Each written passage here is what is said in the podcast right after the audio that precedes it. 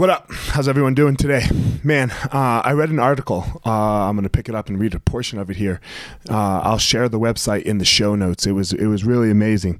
Um, so I'm just going to read this little, this little excerpt here for a second. Um, what happened is inexplicably incredible. It's the greatest gift ever unwrapped. Not the deaths, not the virus, but the great pause. It is in one word profound. Please do not recoil from the bright light beaming through the window. I know it hurts your eyes. It hurts mine too. But the curtain is wide open. What the crisis has given us is a once in a lifetime chance to see ourselves and our country in the plainest of views. At no other time, ever, in our lives have we gotten the opportunity to see what would happen if the world simply stopped. Here it is. We're in it. Stores are closed, restaurants are empty. Streets and six lane highways are barren. Even the planet itself is rattling less.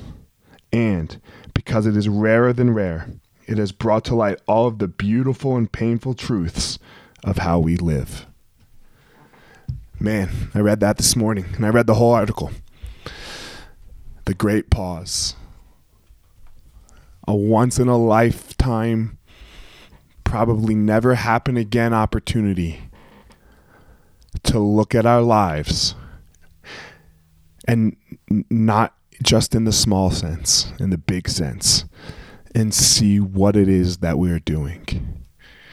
What are we doing with our lives? How are we treating each other? How are we spending our time?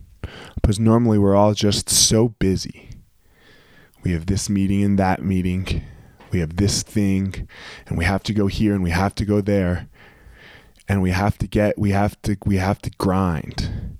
And we have to get that mercedes and that nice house. And we got to take that sick vacation you know where everyone can see it and we can post it so that we can keep up with the joneses. Well now that's gone. There's no keeping up with the joneses. Keeping up with the joneses is simple Everyone's doing the same thing. Nobody's doing anything different. The rich and the poor. We are in our houses, we are with our families. What are you going to take out of this? What are you going to hold on to or let go of? How are you going to treat people differently? How are you going to treat them more skillfully? What are you going to find are the things that are really important in your life? We all have had to find joy in this mo- in these moments, things that we weren't so sure that we that we really loved. I washed my car a couple weeks ago by hand. I enjoyed that time. I think I'm going to wash my car a little more often. Take a pause. Because that's what the great pause is telling us. It's telling us that we do too much, that we don't have time to just be, that we're too worried about our disagreements about politics and religion and opinions. The great pause is making us spend time by ourselves, some stillness. Find your power.